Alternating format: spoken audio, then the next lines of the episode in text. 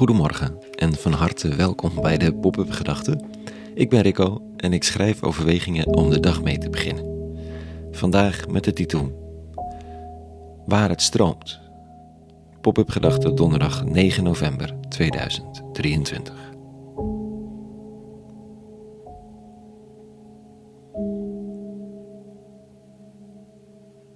Er zijn van die ondernemers, letterlijk of figuurlijk, die een stip op de horizon zetten en dan door roeien en ruiten gaan om dat te realiseren. Waar het niet loopt, moet het gefixt. Als het niet linksom gaat, dan rechtsom. Maar de stip op de horizon is de toekomst. Er zijn mensen die met grote liefde voor de wereld en het leven kapot gaan aan de vele onrust aan de klimaatrapporten en de toenemende verharding jegens mensen op de vlucht naar Europa, aan polarisatie en wat je al maar niet kunt zien.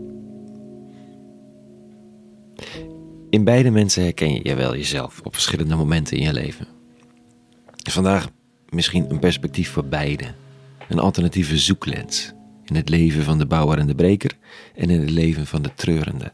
En het gaat over een rivier. En dan niet het Amsterdam-Rijnkanaal een andere uitgegraven waterweg, weg, waarbij het land heel helder te onderscheiden is van het water. Een snelweg voor het waterverkeer, keurig binnen de kades. Het gaat over zo'n meanderende rivier, die uitstroomt over land, zich vertakt, terugvloeit, een delta vormt. Een rivier die leven geeft, die opduikt als je het niet verwacht en soms opeens weer in de aarde verdwijnt. Eentje die je nieuwsgierig hebt te volgen, en soms niet anders dan kunt vertrouwen dat hij wel ergens is. Daar gaat het visioen over in de lezing van de dag. Een beeld van een profeet ver voor Christus, een rivier die onder de drempel van de godstempel vandaan stroomt. En dan staat er. De rivier stroomt naar de vlakte in het oosten en verder stroomt hij naar de Araba, om vervolgens uit te monden in de zoutzee van het water drinkbaar wordt. Overal waar de rivier stroomt, zullen de waterdieren in leven kunnen blijven. Er zal heel veel vis zijn, want overal waar de rivier komt, zal het water drinkbaar worden en zal alles in leven blijven. Op beide oevers van de rivier zullen allerlei vruchtbomen opschieten, waarvan de bladeren niet verwelken en de vruchten niet opraken, want de bomen zullen elke maand vruchten dragen. Ze worden immers gevoed met water uit de tempel. De vruchten zullen dienen als voedsel en de bladeren als geneesmiddel. Het is maar een beeld, en toch. Het kan je net anders doen kijken naar de dag van vandaag.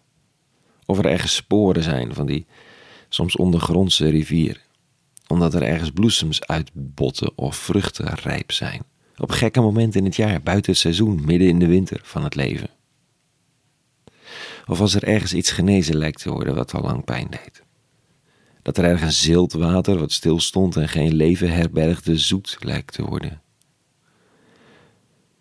Het vergt vertrouwen, of tenminste nieuwsgierigheid naar de mogelijkheid dat er ergens rivieren traag door het laagland stromen, buiten oeverstreden en door het leven een weg vinden, dat er door oorlogsgebied levengevende stroompjes stromen en dat er in kaalgeslagen industriezones klaterende beekjes een verrassing zijn. Het geeft misschien perspectief aan hen die lijden aan het leven. En het geeft een andere bril aan hen die naar de toekomst kijken als iets, en iets menen te moeten bouwen wat er nog niet is. Linksom of rechtsom.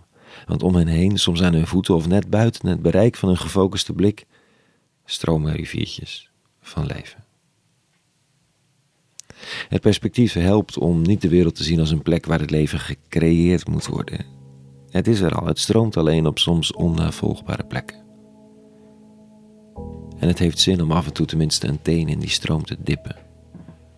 Oh, en het helpt om de, dingen tegelijk te zien. Het verwoeste huis en het beekje in de buurt. De liefde en de pijn, de rouw en het leven. Ze zijn deel van hetzelfde landschap. Tot zover. Even vanochtend. Een geografische of misschien wat geologische bespiegeling. Een hele goede donderdag gewenst. En vrede. En alle goeds.